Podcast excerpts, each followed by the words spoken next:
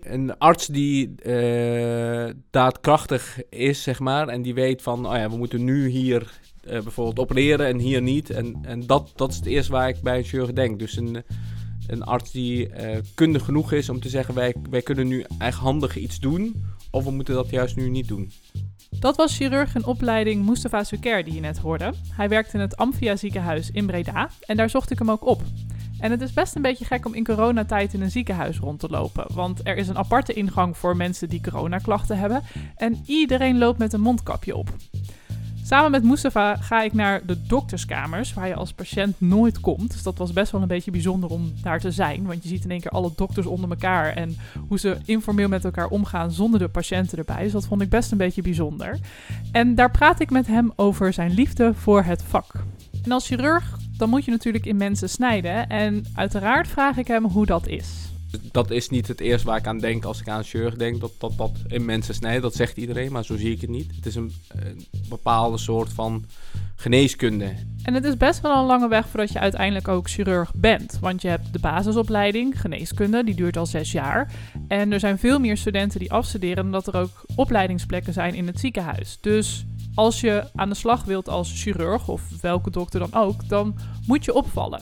Dus je wil een cv hebben wat eruit springt. En dat is een van de redenen waarom Mustafa onder andere een PhD-onderzoek heeft gedaan naar alvleesklierkanker. Ik moet eerlijk zeggen dat, dat ik die promotieonderzoek, losstaan van de chirurgie, altijd al wil doen. Er is altijd een beetje een, stemmetje in mij die, die zegt van je moet, uh, je moet ergens heel goed in worden. En dat vond ik altijd wel leuk om daarin helemaal ergens zo bekend in te raken dat je denkt van, nou ja, hier weet ik wel echt heel veel van af. En dat, dat is, dat moet ik wel zeggen, dat ik met die promotieonderzoek dat we hem min of meer heb kunnen krijgen.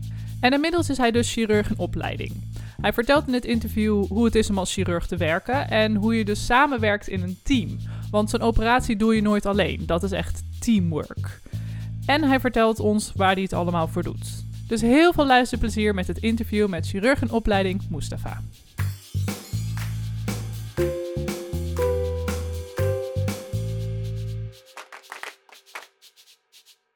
Mustafa, we zijn hier in, uh, in het Amphia ziekenhuis in Breda. Hoe lang werk jij hier al? Um, ik werk hier nu anderhalf jaar. Anderhalf jaar. En wat doe jij hier voor werk? Ik ben uh, chirurg in opleiding, zoals dat heet. Um, daar ben ik anderhalf jaar mee begonnen. Um, en dat betekent dus dat ik een zesjarige uh, opleiding, uh, onder andere hier en onder andere in Erasmus ziekenhuis doe. Okay. Um, en die opleiding is een hands-on, dus dat je, je bent gewoon aan het werk en daarbij doe je allerlei cursussen en allerlei stages om uiteindelijk chirurg te kunnen worden. Oké, okay.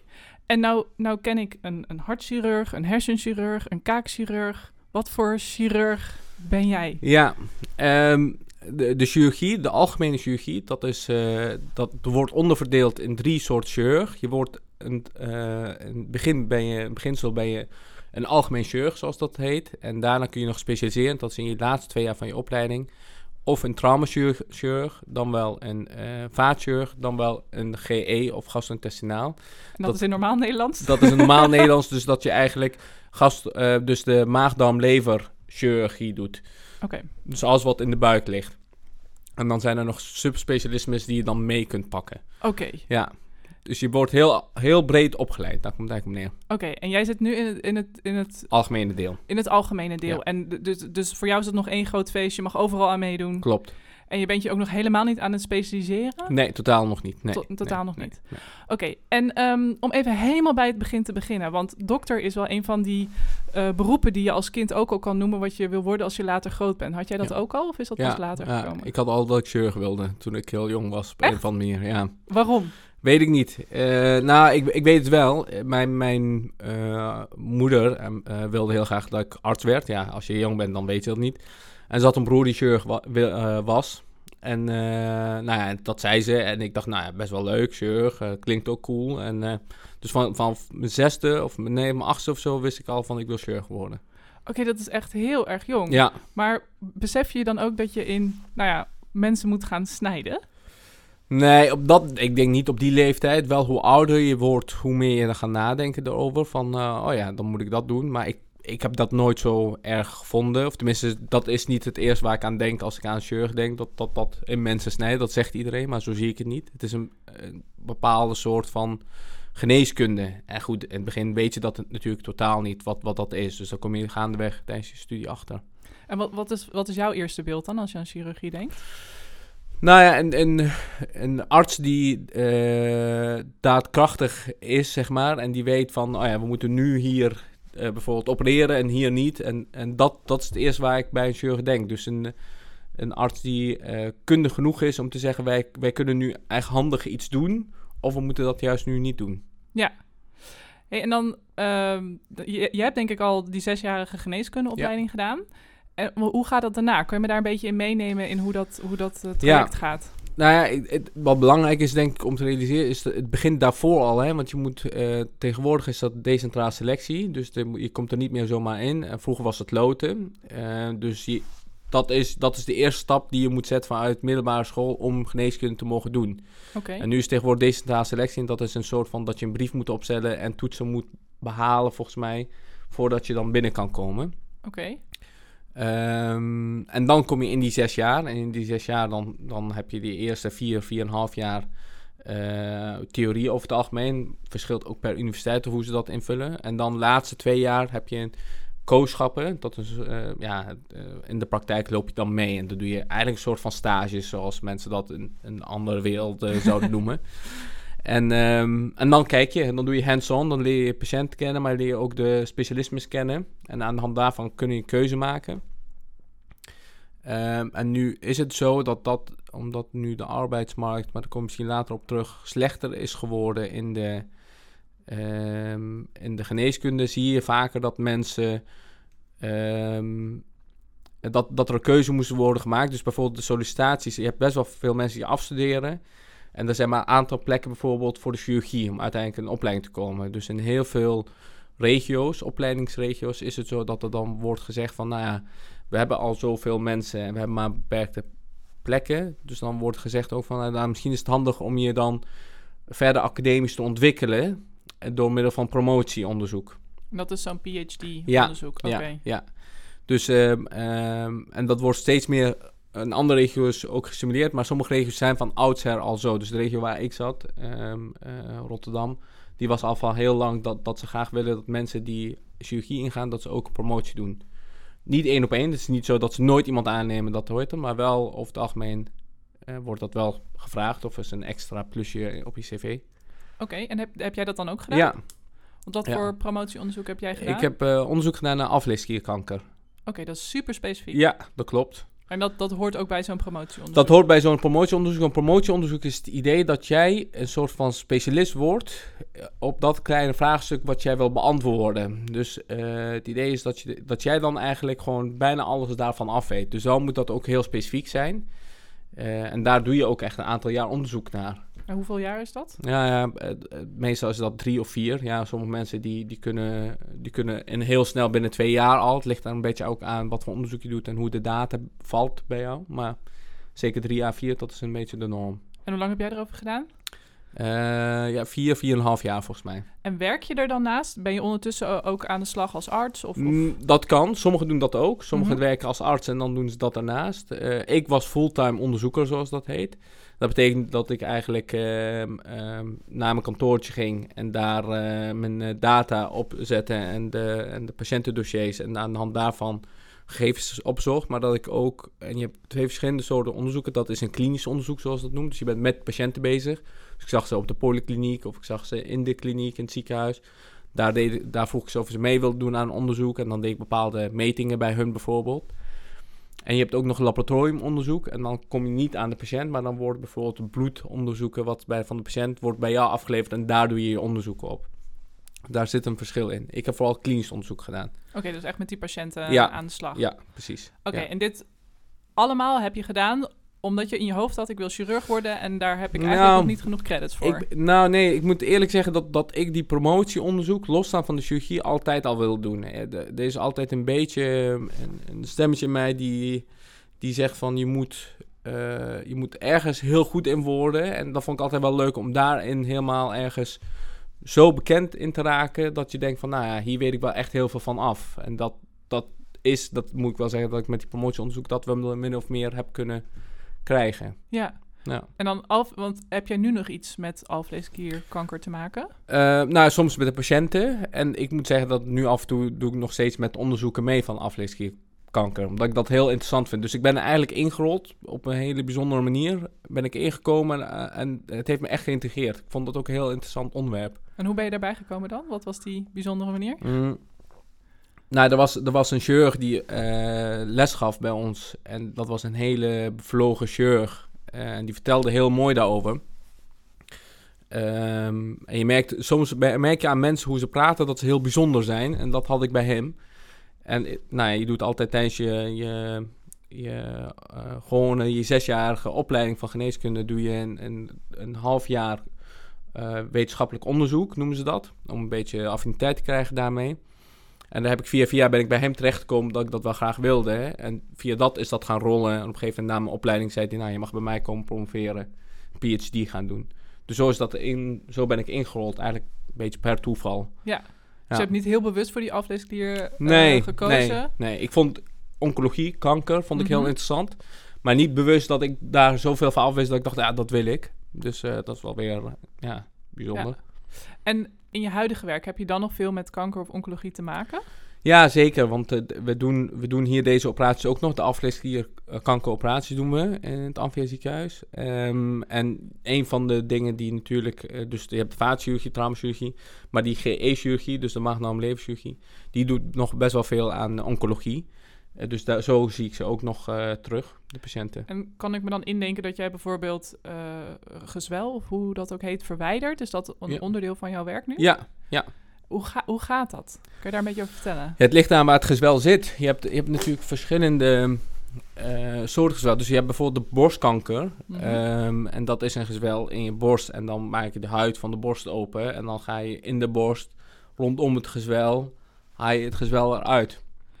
En dat doe je dan met een bepaalde marker, die dan uh, een soort van, uh, met Geigenteller kan die dan af aangeven waar precies dat gezwel zit. En dat is een soort apparaatje die dan vertelt, dit is een goede cel en ja. dit is een slechte nou, cel. ja, niet zozeer. Dus wat je doet, bijvoorbeeld een borstkanker, is dat je, je hebt, je hebt een gezwel die wel of niet voelen is met, met zelf onderzoek zeg maar, van de vrouw of van, van de arts. Maar je kunt er nog een jodiumzaadje in doen. En dat jodiumzaadje kun je plaatsen bij het gezwel in de buurt. Okay. En dan kun je aan de hand van zo'n apparaatje, zo'n Geigentel, echt zo'n uh, ding wat, wat op en neer gaat, uh, zoals dat de film is. Zo'n uh, klik, klik, klik, klik, klik. En dan okay. weet je, oh, ik zit nu in de buurt, ik ga nu verder weg van af. En daardoor weet je wel, daar zit de tumor, want daar zit het jodiumzaakje. En ik moet daar omheen gaan snijden. Uh, maar dat is bijvoorbeeld op borstkanker of uh, huidkanker kun je ook vrij snel, zeg maar zo, op, op, op het afwijking af. Maar bijvoorbeeld darmkanker, ja, dan, dan weet je dat, dat hij bijvoorbeeld aan de rechterkant van de uh, dikke darm zit. Maar je weet niet precies waar. Ze kunnen wel inken, de andere arts voor je. Dus dan kunnen ze door middel van kijkonderzoek via de anus naar binnen gaan met een camera. En dan zeggen ze, daar is het gezwel. Dan zetten ze puntjes in blauw. En dan zie je dat tijdens je kijkoperatie. Als je naar binnen gaat met de camera, zie je, oh, daar zit het. Maar je neemt een bepaalde uh, anatomische grenzen aan om sowieso te opereren. Waardoor je weet van, ik weet zeker dat het gezwel nu ook erin zit. En dat ik veilig ben geweest. Dat ik niet door het gezwel heen ben gegaan met want, snijden. Want dat, dat is het allerergste wat je kan doen als chirurg. Ja, nou niet het allerergste, maar uh, het, je wilt het liever niet. En bij sommige kankers totaal niet. En bij anderen is het minder erg. Maar het, het, het meest nette om het niet te doen natuurlijk. Nee, maar je praat nu een beetje alsof, alsof het altijd een vaste plek is waar een gezwel zit. En dan gaan we die opzoeken en die halen we weg. Maar volgens mij is dat niet zo. Nee, dus ja, ja, is nooit een vaste plek als je alleen je moet van tevoren. Kijk, het, het, het, idee is dat je van tevoren heel goed diagnostiek moet inzetten. Dus je moet heel goede beeldvorming inzetten. En doe jij die zelf ook als arts of doen het andere collega's? Nee, dat, en dat doen andere collega's. Dus je ja. diagnostiek, dat is bij ons minder bij de chirurgie dan bij uh, bijvoorbeeld andere specialismes. Uh, dat wordt bijvoorbeeld door zo'n darmkanker, wordt vooral door een MDL-arts en door een radioloog, door middel van CT-scan en een uh, kijkonderzoek via de anus, zeg maar, via een maag-darm-leverarts, wordt dat helemaal zo voor je neergezet. En dan doe jij uiteindelijk het onderzoek, of de operatie. Ja heel af en toe, sommige ziekenhuizen, ook bijvoorbeeld hier, doen ook sommige chirurgen ook nog eens die kijkonderzoek via de anus kunnen ze ook nog doen. Oké. Okay. Dus dan doen ze alsnog wat diagnostiek. Dus het kan wel, wij doen het wel, maar het is niet, het, het is niet 100% ons ehm, eh, takenpakket, zeg maar, Ja. als het ware. Dus jij bent wel, als ik, als ik goed begrijp, ben je afhankelijk van de informatie die je van je collega's krijgt als je aan de slag gaat. Eh, ja. Ja. dat klopt wel. Ja. En klopt dat altijd, die informatie?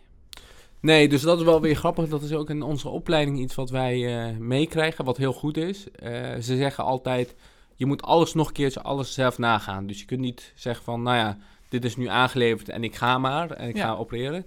Dus bijvoorbeeld ook zo'n CT-scan, dat, dat ziet een radioloog, die verslaat die, wij lezen dat. Maar dan ehm, tijdens mijn opleiding wordt ons ook echt geleerd, jij gaat die CT-scan ook openen en dan ga je gewoon kijken wat jij ziet. En klopt het wel of niet, wat, wat, wat, hè, wat de radioloog zegt. Ja. Want ja, het is ook een mens, dat kan ook een fout maken. En dan daardoor kun je ook kritisch zijn op van doen we het goed of niet goed. Dus het is niet zo... eh, het is, een chirurgie is wel een specialisme die vaak ook kritisch wordt gezien. Omdat ze echt heel vaak over dingen zeggen van... Nou, dat gaan we bijvoorbeeld niet doen of we zijn het niet mee eens. Omdat ze alles nog een keertje goed zelf van top tot teen checken. Ja, want het gaat uiteindelijk over een mensenleven. Precies, ja. Het gaat niet over een computerdocument. Precies, ja. En je, je kunt best wel veel schade aanrichten met een operatie. Het is niet eh, allemaal mooi... eh, ja, je gaat toch in iemand snijden. Ja. Ja. En, want ooit was je een student Ja, en er was een moment dat jij voor het eerst iemand ging opereren. ja. Weet je dat moment nog? Nou, eh, dat, dat niet zozeer, dat ik voor het eerst iemand ging opereren. Ik weet wel, het moment dat ik dacht, ja, dit is het. Ik word echt chirurg, zeg maar. Dat weet ik nog heel goed. Ik, ik begon mijn studie geneeskunde en eh, toen hadden we colleges in het eerste jaar. En toen dacht ik altijd, ik wil chirurg worden. En toen hadden we colleges van een hele bevlogen professor die in, in de, over het hart. Toen dacht ik, nou, ik word hartchirurg. Dat zal het worden. Ehm toen ben ik bij de afdeling hartchirurgie gaan werken als student. Dus ik zag toen de patiënt die geopereerd werd. Toen dacht ik, nou, dat is toch niet helemaal voor mij. Waarom niet dan? Ja, ik, ik vond ik, maar goed, dat, dat, ik vond het te veel op elkaar lijken. Het waren een paar soorten operaties wat ze deden en achter elkaar. Dus het was niet heel breed of algemeen heel erg. Dus ze deden, ze deden heel gespecialiseerde zorg. Eh, maar dat vond ik niet, voor mij paste dat niet zo. En toen ben ik ook weer vanuit eh, universiteit, wilde ik heel graag in het buitenland een keertje meekijken. En toen ben ik in Bulgarije terechtgekomen, heel toevallig. En daar zou ik de, de hartchirurgie zien, want dat zat er eerst in mijn hoofd van, dat ga ik doen. En dan mocht ik die afdeling niet op. En toen zei ze, nou, dan ga je naar de algemene chirurgie. En toen zag ik daar mijn allereerste operatie. En toen dacht ik, eh, met de chirurg die bezig was, die heel slecht Engels kon... en die een beetje met zo'n lachje eh, mij wat zat te vertellen... ehm, over de operatie die hij aan het doen was, met een beetje een grapje ernaast. Toen dacht ik, dit is het, dit is het echt voor mij. Dit Ja? wil ik laten doen, ja. Zij dacht, Ja. je was in een soort slechte Hollywood film Ja. terechtgekomen. Ja, En jij dacht, yes, dit wordt hem. ja, dat dacht ik echt. Ik dacht, dit is het. Ik weet niet, je, je voelt dat op een gegeven moment aan van... ja, dit, dit wil ik later doen. En wat was dat dan? Ja, ja, ja het, het, het klinkt heel luguber allemaal. en nu kom ik eruit over als, als een of andere eh, griezel. Maar er was, eh, eh, het was ook wel sneu. Het was een patiënt die, en dat weet ik nog heel goed, staat op Netflix geschreven. Het was een patiënt die eh, waarschijnlijk een, een, een endeldarmkanker had. En die endeldarm moest worden uitgehaald. En op een gegeven moment kun je dan die darm zeg maar niet meer goed aansluiten op de anus. En die anus werd eigenlijk dichtgenaaid. En, en dan kreeg die patiënt een stoma. En dat, dat zag ik daar. En, en die chirurg was daar heel goed in. En toen dacht ik, nou, dit, dit vind ik wel mooi hoe hij dat doet en hoe hij daarmee bezig is. Ja. Je Ja, kijkt ja. me nu heel raar aan. ja, ja. Ja, maar je helpt zo iemand er wel mee. Ja, daarom. Nou ja, Ja. dat is het. Dat, dat vond ik het mooie. Je, hebt, je helpt iemand echt mee. En mensen zijn er... Dat klinkt gek, maar mensen zijn echt blij uiteindelijk dat het gedaan is natuurlijk. Ja. Ja. En, eh, en toen met alvleesklierkanker, daarna was dat. Ja. Dus je bent wel een beetje bij die, bij die darmen gebleven. Ja, nou ja, goed. Dus dat vond ik heel interessant. En, eh, en op een gegeven moment kom je in een hoekje. Hè, waar, wat je leuk vindt, ga je natuurlijk Ja. verder in zoeken. En wat, waar je verder in zoekt, vind je leuk omdat je iets beter in wordt en iets meer over weet. En die alvleesklierkanker, daar kwam ik in terecht. eh, waar ik niet zoveel over wist. Maar dat was wel een heel interessante patiëntengroep. Eh, omdat het een hele zware patiëntengroep, want zij leven heel slecht. Eh, dus de, de prognose van patiënten die afleesklierkanker hebben, dat is maar een jaar tot anderhalf al, over het algemeen dat ze leven. Levensjaren. Ja. Oh, oké. En dan is het klaar, zeg maar. Ehm, dus je bent eh, eigenlijk... Mijn onderzoek was, was ook heel erg bezig met van hoe kun je die overleving verbeteren. Ja. Maar je bent ook heel erg met patiënten die je ziet met hun laatste levensjaren bezig. En dat weten ze.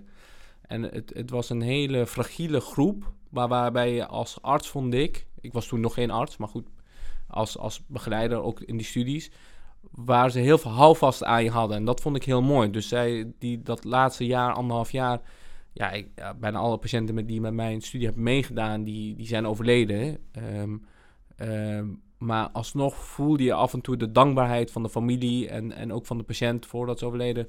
Omdat je ze ja, hebt bijgestaan op het laatste moment. Terwijl ze wisten, het, het, het, gaat, het, is klaar.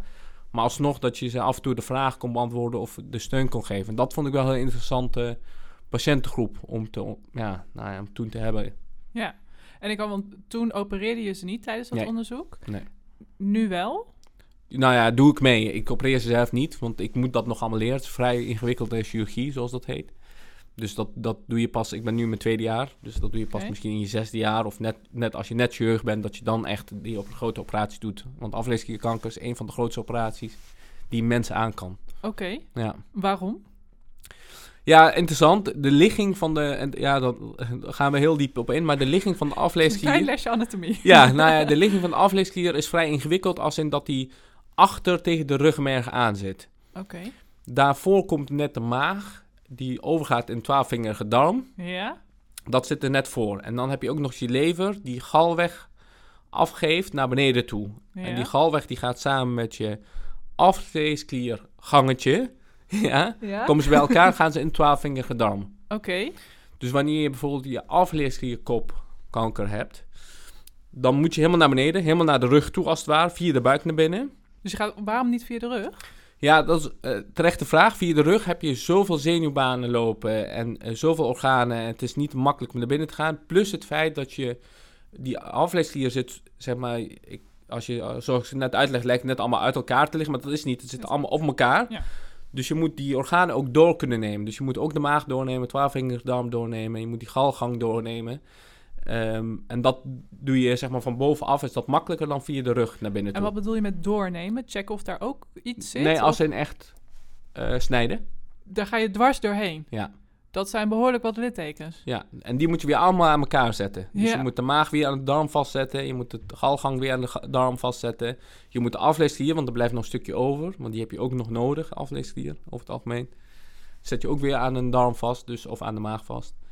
Dus het is een hele ingewikkelde operatie in dat opzicht. Ja, dat Ja. snap ik nu. Ja. Ja. En wat, wat doe jij nu dan wel? Want je stond voor, de, voor dit eh, gesprek, Ja. eh, stond je nog in de operatie. Ja, dat klopt. Nou, kijk, zo'n zo'n afleesklierkankeroperatie of een afleesklieroperatie, dan sta ik erbij en dan kan ik bepaalde stukken meedoen. Bijvoorbeeld de galblaas moet er dan uit en dan wordt gezegd, nou, haal jij de galblaas uit? En dan staat de chirurg naast me en dan zegt, nou, hier goed, hier niet goed. En dan, dan ro- roleren we op een gegeven moment, het weer over.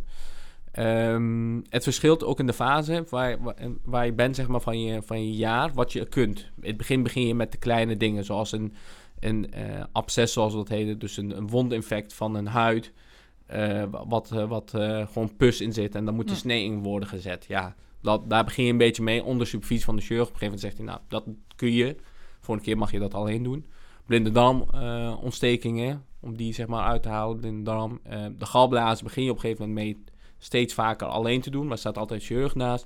Totdat ze op een gegeven moment zeggen, nou, jij, jij doet het nu veilig genoeg om het zelf te kunnen. Dus zo heb je allerlei stappen om dat te Ja. doen. En net waar ik van de operatie van terugkwam, was er dan een mevrouw met een eh, heel lang geleden een, een buikoperatie gehad vanwege darmkanker. En eh, zoals, zoals overal in het lichaam kun je verlittekening krijgen. En ook in de buik. En die mevrouw heeft verlittekening gekregen in haar buik. Waardoor de, het litteken de darm, de dunne darm, heeft ingesnoerd. En dan komt, omdat er klem komt te zitten, dan kan iemand niet meer eten en drinken, maar dan gaat hij op een gegeven moment braken. Oh, En dat kan zichzelf soms oplossen door iemand het niet te laten eten en dan loopt het weer allemaal door. En soms werkt dat niet. Bij haar was dat nu het geval, dat dat niet meer ging werken. Dus we hebben net een eh, buikoperatie gedaan, de buik weer opengemaakt.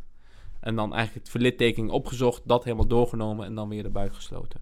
oké. En met doorgenomen bedoel je door Eh, snijden? gesneden, ja, sorry. Ja, ja, ja, dat is weer een termen. Ja, dus eh, eh, ja, dat, dat is gewoon echt doorgesneden. Ja, En dan, dan stond ik net met een chirurg samen. Ehm, en dan eh, doe, doen we het samen. Dus ik heb een vrij groot gedeelte van de operatie gedaan. En toen op een gegeven moment heeft hij nog een stukje gedaan waarvan hij zegt van... Nou, dit doe ik wel even, want dat is dan iets veiliger als hij dat zou doen. En, en dan op die manier. Ja. Ja. Hey, en je, je staat volgens mij nooit, hoe ervaren je ook bent als chirurg, alleen in zo'n operatiekamer, toch? Nee, je staat altijd in principe met, nou, je staat altijd met de anesthesioloog. Dus het is een heel team wat er omheen Ja. zit. Je, je hebt de anesthesioloog dus de, en de anesthesiemedewerker. Dus wat dat wat doen die? Die, die zorgen eigenlijk voor, zij zeggen altijd dat de patiënt in leven blijft. En dat klopt ook wel. Zij zorgen ervoor dat de patiënt slaapt. Maar zij, zij kijken ook steeds hoe het met de patiënt gaat. Dus naar het hartritme, ademhaling. Precies, dat Oké. zorgen zij. Dus ze beademen de patiënt en dan kijken ze, monitoren ze, of wat dan ook. Dan heb je altijd nog eh, OK-zusters rondom je. Eh, eh, eentje die, die naast je staat en dat noemen ze de instrumenterende. Die geeft instrumenten aan tijdens de operatie. Want het is, ja, je, je bent geconcentreerd bezig en dan zeg je, Ja. nou, ik wil nu scharen. Dan krijg je. Ja, precies. Zoals dat gaat, ja. En dan staat er altijd gewoon omloop rondom. Dat is iemand die dan eh, eh, niet steriel staat met je. Want de anesthesie en anesthesiemedewerkers staan niet steriel. wat is niet steriel? Eh, dat je helemaal ingepakt bent en helemaal steriliteit. Helemaal Dus- coronaproof. Nee, helemaal. ja, in dit geval. Maar dat je eigenlijk een, een jas aan hebt, een steriele handschoen aan hebt, die helemaal gesteriliseerd zijn. Waarvan we weten, daar zitten geen bacteriën op. Juist. Dat heb je helemaal aan. Dat is een heel eh, ritueel die je van tevoren ook moet doen om helemaal steriel te zijn. Zodat je weet dat er niet een infectie, of ze de infectiegevaar zo klein mogelijk Ja. maakt voor de Ja. patiënt. Want je zit toch in een buik. En als jij bijvoorbeeld met je blote handen in zou zitten, ja, daar zitten Ja. bacteriën op. Dan komen je bacteriën in de, eh, in de, in de de buik. en dan, dan krijg je daar... eh, Problemen. nou, precies. Ehm, dus jij staat dan steriel vaak met een, met een instrumenterende. Nou goed, een chirurg kan dan staan met zijn assistent, zoals ik. Ehm, soms staat er nog een co-assistent bij die meekijkt, hè? dus eh, wat, we het net over hadden.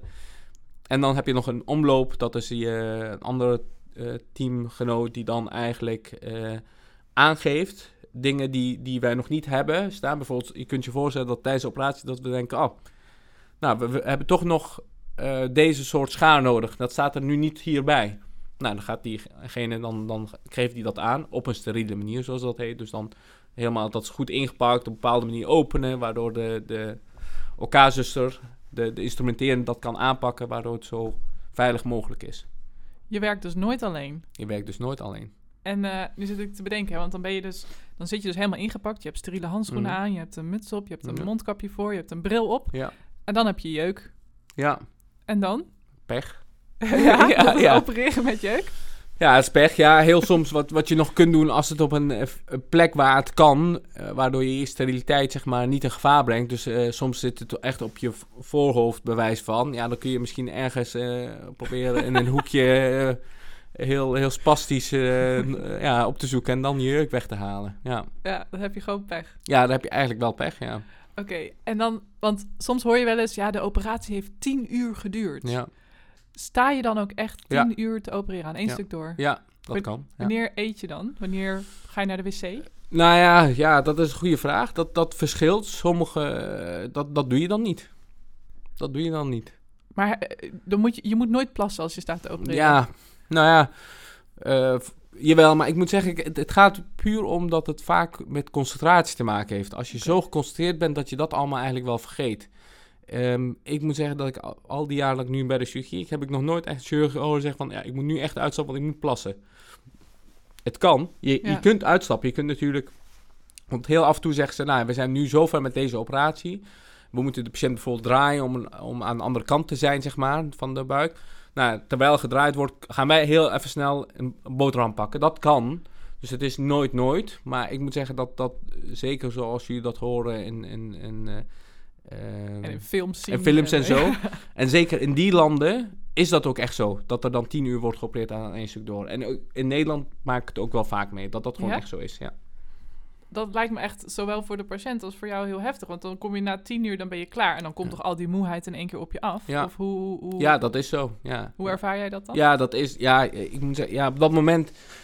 Je, die moeheid, dat, dat, dat gaat. Alleen totdat het moment dat je thuis bent of dat je zeg maar klaar bent met die operatie. En dan, dan voel je het wel, ja. Ja. Ja, dat is. Ja, dat is een bepaalde manier van, eh, van werken. Het is nu nog niet zozeer fysiek moe, denk ik, als de concentratieboog die je moet hebben. Want het is vrij ja, intens. Je bent heel, heel de tijd geconcentreerd bezig. Ja. Ja. Hey, en dan, ehm, want je hebt het al over thuiskomen. Hoeveel uur werk jij in de week? Laten we, laten we het Ehm, hapbaar houden. Nou, ik woon in Rotterdam. Ehm, en ik begin hier rond uh, nou ja, kwart voor acht, half acht beginnen we. En dan in principe zijn we rond half zes, zes uur klaar. Dus ik, ik weet, ik moet altijd dan nadenken. Dat is dan uh, acht tot uh, zes is uh, tien uur, hè? Ja. En dan zit er nog een pauze tussen. Dus bij elkaar zou je een pauze van een uur hebben, denk ik. Maar dat zijn alsnog na dagen dus van... Negen van dagen, negen ja, uur. negen uur. En normaal vijf, ja, 45 werk je zeker wel. En vaak is het dan richting de 55 wat je werkt. Ja, Tot 60, denk ik. Ik denk dat dat reëler is. en zijn dan, want jij kwam net terug van de operatie. Toen moest je nog wat administratie invullen, Ja. want je moet je collega's natuurlijk updaten als zij Ja. weer met de patiënt zitten. Ja. Dan moet de familie van de patiënt gebeld Ja. worden. Dus, en dat gebeurt allemaal binnen die uren? Of zijn dat ook nog al die extra uren die erbij komen? Nou, dat gebeurt in principe binnen die uren. Ja, dat wel. Ik- Kijk, ik heb nu eh, wel even de tijd om dat tussendoor te doen. En dan zou ik de volgende operatie dan moeten doen. En dat kun je wel op dat moment doen. Maar ik, ik moet zeggen dat, dat bij ons... En dat zei ik gisteren toevallig tegen, tegen eh, iemand die meeliep van een andere studie...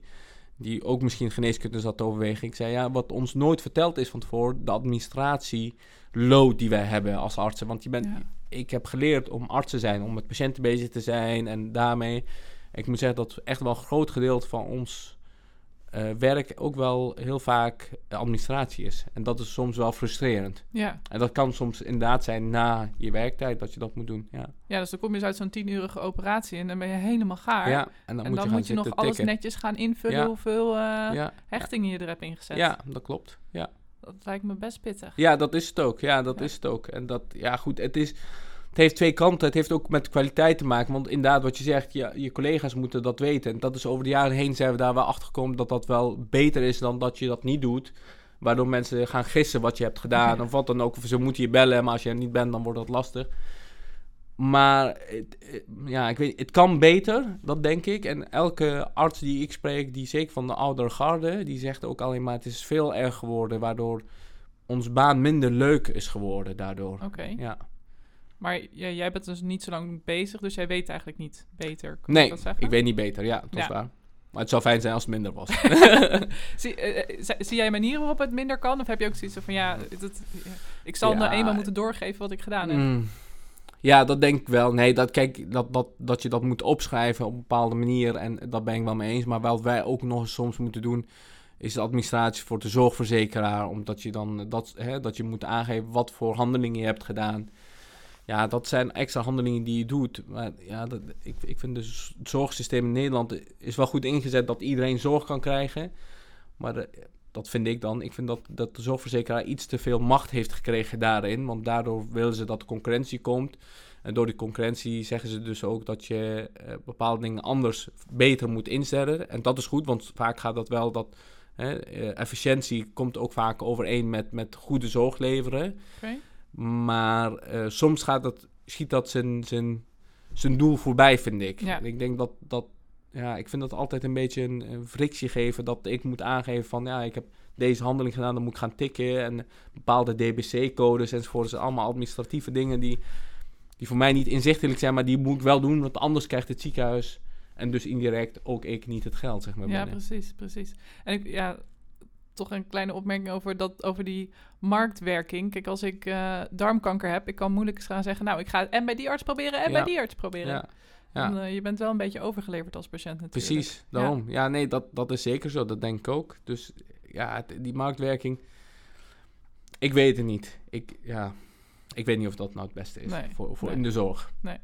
Hey, en eh, we leven nu toch in de coronatijd. Er was een moment dat echt artsen overal vandaan werden gehaald... Ja. uit de gekzoekjes van het ziekenhuis... eh, en die moesten in één keer op de IC staan. Ja, Jij ook? ja. Hoe was dat? Eh, nou, kijk, eh, ik heb, in mijn opleiding heb ik altijd een drie maanden stage. Dus, en het was rondom die tijd dat ik ook naar de IC zou moeten gaan. Dus ik ben iets eerder gehaald. Dat was prima, denk ik. Ehm, eh, de IC is, eh, is al sowieso vanuit zichzelf een bijzondere plek natuurlijk. Want de patiënten die zijn heel ziek. En je bent met patiënten bezig die dan aan de beademing liggen of aan de monitors liggen. eh, met allerlei speciale medicatie, met allemaal slangen die in en uit gaan. Ehm, dus je, hebt, je patiëntcontact is ook anders dan je patiëntcontact op de gewone afdelingen. De patiënten zijn vaak toch gesedeerd, dus in slaap gehouden enzovoort. Dus je bent veel meer bezig met, met, met, met alle getallen wat je krijgt van, Met de eh, van techniek eigenlijk. techniek eigenlijk, inderdaad. Nou, daarbovenop hadden we dus de corona, waar ik in terecht kwam. eh, en waar heel veel artsen in terecht kwamen. En dat was, eh, denk voor heel veel mensen, en ook wat ik hoor, en zeker in het Amphia, was een van de grootste ziekenhuizen met het grootste aantal eh, coronapatiënten. Vrij heftig als in dat je opeens heel iets anders moet doen. En dan voor patiënten 15 tot 20 dagen moet zorgen. Die je nooit hebt gesproken of gezien. Alleen maar ziet zeg maar, aan de tubes, aan de beademingen Ja. en alle cijfers die daaruit komen. Dat was bijzonder. En ik, ik, ik kan me nog herinneren dat ik op een gegeven moment... eh, we hadden hier op onze IC was er een... noemen ze een cohortafdeling. Dus dan was het een afdeling die afgesloten is... die alleen maar coronapatiënten had op die IC. Oké. En voordat je die afdeling opkwam, dan wa- was, wa- was er een, een deur, een echte zo eh, gefabriceerd zeg maar als het ware, waar je dan doorheen moest. Moest je helemaal totaal omkleden, zoals jullie dat hebben gezien in het nieuws. En dan kwam je die afdeling op. Dus dan zat je met zo'n enorme jas over je heen, en een bril en een spatbord en eh weet ik wat allemaal. En ik moest zeggen dat ik op een, op een gegeven moment dacht, toen ik dat, na mijn eerste week of zo, toen ik me continu aan het omkleden was, moest ik denken aan de serie Stranger Things, wat ik een heel leuke serie vind. Een hele toffe serie inderdaad. Ja, en dan zie je ze op een gegeven moment als ze naar de, de, de tweede dimensie gaan, Mhm. dan trekken ze ook die pakken aan Ja. en dan gaan ze zo de verdoemenis in. en zo voelt dat af en toe wel hoor, want je gaat naar binnen en het is, je zag geen vooruitzicht in die patiënt. Die patiënten waren al een paar dagen hetzelfde. Heel veel patiënten overleden ook wel, zeg maar. Zeker in de eerste coronagolf. Dus zo voelde het af en toe wel. Dat lijkt me heel heftig. Ja, dat en is daar het heb ook je wel. niet voor, dat, dat is niet waarvoor waar je getekend had natuurlijk. Nee, ja, goed, nee. Maar ja, dat, en dat, vond ik, dat vind ik altijd zo bewonderenswaardig. Ook aan mijn collega's zie ik dat. Ehm, op een of andere manier, eh, het- zeker, het raakt ons allemaal. Maar op een of andere manier is de kracht toch om de patiënt te helpen. Dat is zo sterk dat je alsnog dat even naast je neerlegt. Ja. Ehm, en, en ik moet zeggen dat dat tegenwoordig ook veel meer op gelet wordt vanuit de, de, het ziekenhuis enzovoort. Dus op dat moment was er ook wel bekend dat het zo heftig zou worden. Ook voor de artsen is er peer support, zoals dat heet, heel erg op gang gezet. Dat, dat met mensen gespraat kan worden over de ervaringen. Dus dat, dat, dat, daar wordt wel aandacht aan besteed. Ja. Maar het is inderdaad het is niet waar je voor getekend hebt als Nee. arts. Eh, heb je daar nog dingen geleerd? Want dat, was, dat had niks met opereren te maken, volgens mij, wat je daar deed. Ja, nee, kijk, wat, wat, wat je leert, en dat is waarom wij ook die IC-stage hebben, is bijvoorbeeld de beademingsvoorwaarden, zoals dat heet. Dus hoe beadem je een patiënt? Wat, i- wat betekent dat? Hoe doe je dat met, met, eh, met bepaalde medicatie erbij? Ehm, dat, dat heb ik zeker geleerd, dat heb ik ook meegenomen. Ehm, en we hebben op een gegeven moment ook natuurlijk, toen de zorg wat meer opkwam, zat ik daar ook. Toen hebben we ook de patiënten die operatie hebben gehad, die komen ook soms op intensive care de eerste 24 uur om zeg maar te bekijken hoe het met ze gaat, te monitoren zoals dat heet. Dus die heb ik ook gezien en daar heb ik ook weer geleerd. Oké, dus dat gebeurt met mijn patiënt als je van de operatiekamer naar de intensive care gaat. Ja, Ja. precies. precies. En we zitten nu in de tweede golf. Ja, Hoe gaat dat nu? ja dat, dat is wel interessant. Het, het, het, op een of andere manier is het wat meer geleidelijker gegaan. Hebben wij hier het gevoel hoor, in dit ziekenhuis. Ik weet niet hoe het andere ziekenhuizen is. Eh, maar bij ons is het veel meer geleidelijk gegaan. Waardoor we wel de drukte hebben ervaren. Maar anders. Minder eh, heftig in dat opzicht. Omdat we misschien ook weten wat we verwachten. Maar ook meer konden doseren, Ja. denk ik. Eh, Want heb jij nu nog op de IC gestaan? Nee, nu niet. Ik ben nu Nee. niet meer gevraagd voor de IC. Nee, Nee, want nu is dat genoeg handjes. eh, nu daar. zijn er genoeg handjes om, om daar te helpen, ja. Oké, Ja. dus jij bent gewoon weer, waar we het hele tijd in het nieuws over horen, verder gegaan met de reguliere zorg. Dat klopt. Ja, Dat klopt, helemaal. Ja. en dat is ook nog helemaal onder controle. En, eh, Ja, wij zijn weer eh, hier in dit ziekenhuis. Nou ja, we, we hebben de, de afschaling gehad, zoals dat heet. Dus, Mhm. hè, en dat, dat is nu klein beetje bij beetje aan het opschalen. Maar goed, ja, ik, ik moet zeggen dat, dat ik heb gewoon normaal mijn werkzaamheden uiteindelijk kunnen uitvoeren in de reguliere zorg. ja. Ja. En heb je dan, merk je dan ook dat patiënten, dat het, dat het heftigere patiënten zijn, omdat ze dus een tijdje geen toegang hebben gehad tot die zorg? Ja, goede vraag. Dat weet ik niet. Ik, ja, dat, dat, dat wordt wel eens gezegd eh, en gesuggereerd. Ik denk wel dat er een kern van waarheid daarin zit, dat dat soms wel gebeurt. Want dat was laatst ook op nieuws, zag ik, dat, dat, eh, hè, dat een patiënt dan niet voor een eh hartkatheterisatie volgens mij kon krijgen en uiteindelijk een eh, hartfaal heeft ontwikkeld, wat dan ook.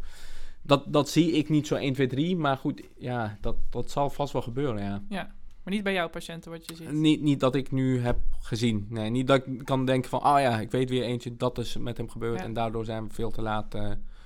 Ja. Maar ja. Fijn. Ja, toch? ja, ja, Ja, ik vind het voor jouw fijn. patiënten. Ja, voor Ja. mijn patiënt in ieder geval wel. Ja, ja zeker, zeker. Hey, en eh, het is dus, eh, even om toch een beetje af te ronden, het is een heel traject. Ja. Want voordat jij echt chirurg bent, Ja. eh, hoeveel jaar moet je dan nu nog? Ik, ik zit nu in mijn tweede jaar, dus officieel nog vier jaar. Hè? Ja. En dan doe je, dus dan ben je, dan, dus na je vierde jaar ben je, ben je algemeen chirurg zeg maar af als ware. En dan kies je een van die drie stromingen. En die stroming kun je ook weer keuze maken van, nou ik wil dit heel graag heel goed leren. En je, dan ben je. En dan vaak doe je ook nog eens een jaar, één jaar of twee nog extra specialiseren in een bepaald gebied. Waardoor je extra goed daarin wordt. Ja. Dat, dat je denkt, nou dit kan ik echt helemaal heel goed. Dus ja, ja eh, vier, vier tot zes jaar ben ik nog zeker mee bezig. Oké, en weet je al welk gebied dat gaat worden? Eh, lastig, want wat ik in mijn studietijd ehm, ehm, en zeker daarna ook met mijn, met mijn promotie heb ik eh, altijd zeg maar, die maag-darm-leverchirurgie heel leuk gevonden. En nu zie ik ook de andere soort chirurgie, zoals de, de traumachirurgie. Dus dan doe je veel meer de fracturen, botten en, en trauma zoals de opvang. Dus patiënten die eh, geschept zijn door een auto en dan Ja, ja. op de spoedeisende hulp komen. Acute hulp. Acute hulp, Ja, zeg maar, arts. Eh, maar er geen spoedeisende hulparts, want dat is weer een heel ander Oké. gebied. Ja, ja.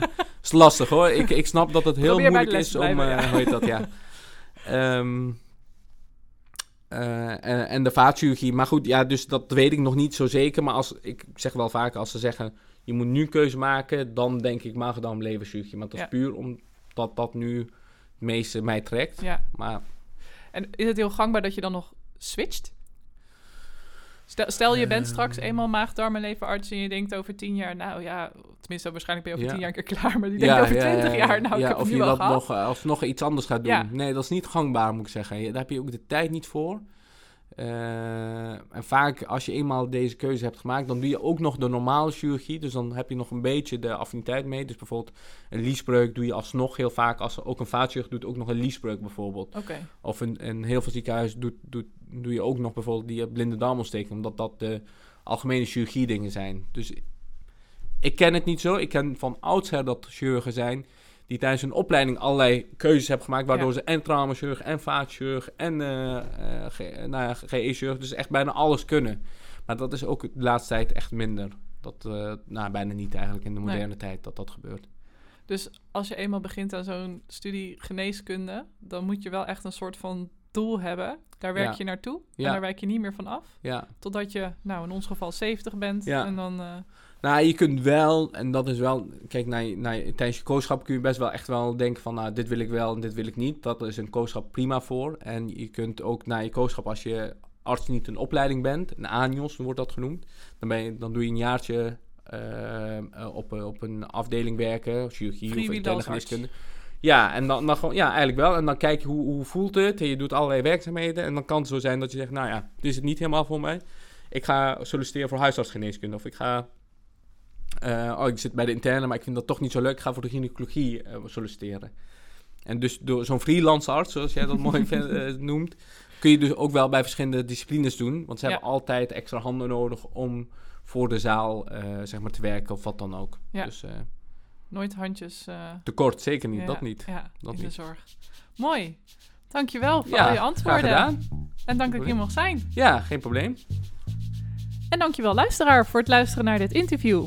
Vond je het leuk om naar te luisteren? Dan zou ik, en ik denk ook Mustafa, het heel erg leuk vinden als je een berichtje achterlaat op de website. De link staat uiteraard in de show notes. En ben jij iemand of ken jij iemand die graag over zijn haar hun werk vertelt? Laat dat me dan ook weten. Dat kun je doen door een mailtje te sturen naar joriet.werkenaanjegeluk.nl. Dat staat uiteraard ook in de show notes. Want dan kom ik jou of die persoon heel graag interviewen. En dan wens ik je voor nu nog een hele fijne dag en tot de volgende aflevering van Werken aan je geluk.